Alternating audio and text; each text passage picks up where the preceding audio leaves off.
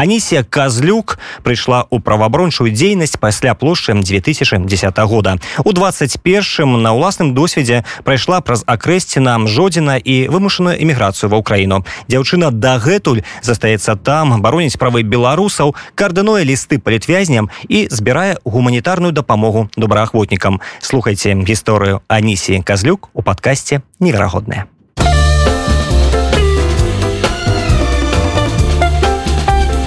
неверагодныя там речь еще в лютым я неправильно полечила свои дни. Трошку не своечасова пошла подавать документы на осведку мне сказали что мне не хапае пару дзён и сказали что трэба процягнуть термин пребывания. Я процягнула термин пребывания и забрала свой пашпорт только 23 лютого уже с процягнутым термином до першего красавіка все мусила пойти выдатно потому что у меня была прямаючая организация у меня было все добра але началася война да мы зачыніліся яны не прымалі документы увогуле ні у кого. Их на сайте по-моему стояла обвестка нават про тое что чакайте паведамленняў новых потым з'явилась информация что дмс перавезла свае документы з киева во львоў і тады я пайшла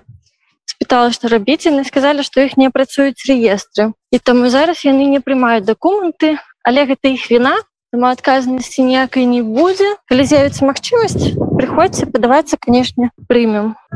Потым у розных чатах з'яўлялася інфармацыя, што людзям адмаўлялі, людзі часта пісалі пра тое, што хадзілі кожны тыдзень, што іх не атрымоўвалася падаць дакументы. З чэрвеня, спачатку чэрвеня з'явілася, по-моему, гэта была заява міграцыйнай службы про тое что прыём дакументаў адноўлены і тады як бы я вырашыла сабіраць дакументы каб падацца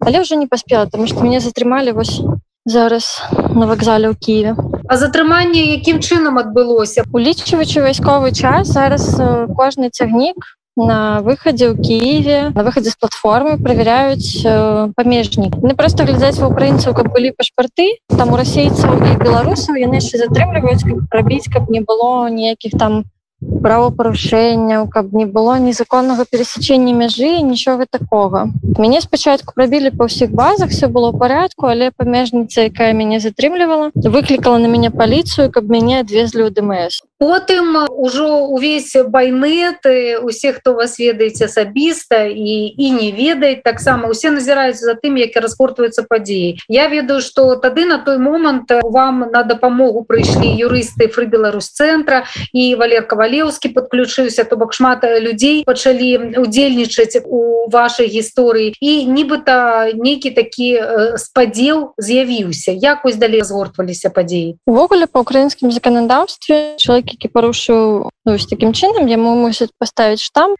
ён мусіць выехаць ты ў яго абнуляецца тэрмін і звычайна людзі плаціўшы штрафы выехаўшы могуць без ніякіх там перашкод заехаць зваротна ва ўкраіну і тады ў іх зноўку ёсць вось гэты 180 дзён для таго каб падаць дакументы але зараз ездам выездам беларусаў складана таму я не ведала якім чынам мне прынцыпу абыдзецца гэты штамп аб выездзе і справа тым что парушэнне было зроблена не по маёй віне тому як бы прынцыпу і штраф даже калі так разбірацца ён не зусім абгрунтаваны тому что не працавала міграцыйная служба. Міграцыйная служба сама у сваіх сацыяльных сетках за 14 красавіка оказала про тое что некай адказнасці за парушэнне тэрмінаў не будзе тому что не працавалі да ну, базы дадзеных іх тым не менш вам выпісалі штраф і пасля таго як вы сплацілі гэты штраф у вас усё ж таки заставаўся спадзеў на тое что ваши документы прымуць так Ну конечно лагічна было б калі что я калі сплаціла штраф і прыйшла что мяне прынялі б документы я адразу ж гэты дзень пайшла ў міграцыйную службу там адна спачатку закрылись на замок знутры А потым выйшаў мужчына, які сказаў, што пачатку будзе сумоўе СБУ 10 раніцы, а потым можна будзе падаць дакументы. План выдатны. Мы сабраліся ўсе ранкам, мы приехалі раней, занялі чаргу, запісались на сумоўе. Я прыйшла сумоўе, мы пайшлі ў іншы кабінет, каб падаць дакументы і вылося тое, што адбылося. Мяне адмовіліся іх прыняць на падставе таго, што міграцыйная служба не штрафавала арганізацыю, якая мяне прымала За што штрафуюць арганізацыю за тое што я не падала дакументы ў міграцыйную службу якая гэтыя дакументы ў гэты час не прымала я мушу пракантраляваць тое што яны не штрафавалі арганізацыю калі штраф аформлялі на мяне я не ведаю что мне зараз гэтым рабіць я не ведаю. Таму ну вот калі гэта все спытала мне сказали что трэба было ехаць у Беларусь. Я удакладніла ці ведае працоўнік дмс про тое что адбываецца у Беларусь он сказаў что ведае я сказала что у беларусі людзей ну, чакаюць там катаванне турмы і все астатняе Ён мне попрасіў пацверджанне того что так і ёсць і вы завтра я пойду разам з гэтымі пацверджаннямі разам з усімі астатнімі дакументамі і разам вось секретакі з падтрымкай такой якая была ў мяне ў пятніцу спрабаваць яшчэ раз. Скажите вось гэтую адмову вам далі просто на словах ці вам выпісалі нейкі адпаведны дакумент толькі на словах і таму завтра я спрабую падаць пісьмовую заяву на той каб мне прынялі дакументы каб атрымаць на яе пісьмовы адказ ці сказалі вам супрацоўнікі я не ведаю можа ў нейкія прыватнай раз, размове насколькі ўвогуле у вас ёсць шансы ці гэта будзе зараз такая бюрократычная працэдура калі вас будуць дасылаць ад аднаго да другога пакуль у вас там я не ведаю можа трываласць скончыцца?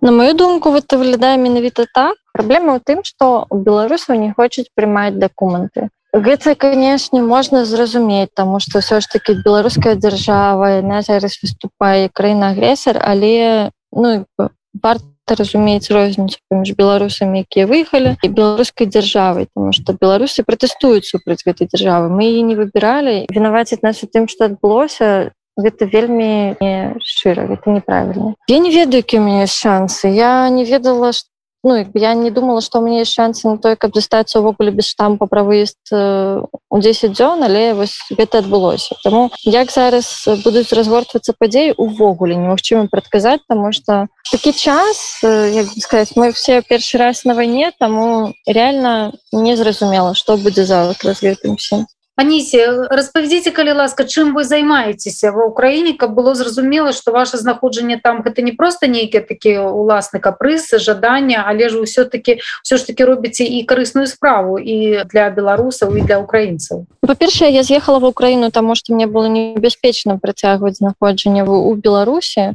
І зараз я займаюсь тут тэмай палітычных вязняў беларусі падтрымкай палітычных вязняў беларусі проводжу вечары салідарнасці з імі притым што сярод палітвязняў беларусі есть таксама украінцы якімі украіны зараз неяк не займаецца таксама я валантэрую для вайскоўцаў для беларускіх для добраахвотнікаў украінскіх добраахвотнікаў. Калі з'яўляюцца нейкія запыты то я спрабую неяк дапамагчы там з пошукам нейкіх рэчаў закупкай з перадачай і гэтак далей. Я дапамагаю беларусам забраць пашпарты з амбасады. На мяне аформляюць даверенасць я забіраю польскай амбасадзе беларускія пашпарты. Не раблю шмат але таких не вельмі крупных рэчаў. То бок там на разбор завалаў я яшчэ ні разу не ездзіла і вы зараз той да чаго імкнуся гэта дапамагаць украіне тому что я маю гэтым досвед. Я хочу абвучыцца і далучыцца да праваабаронцаў якія займаюцца фіксацыяй расійскіх злачынстваў военных.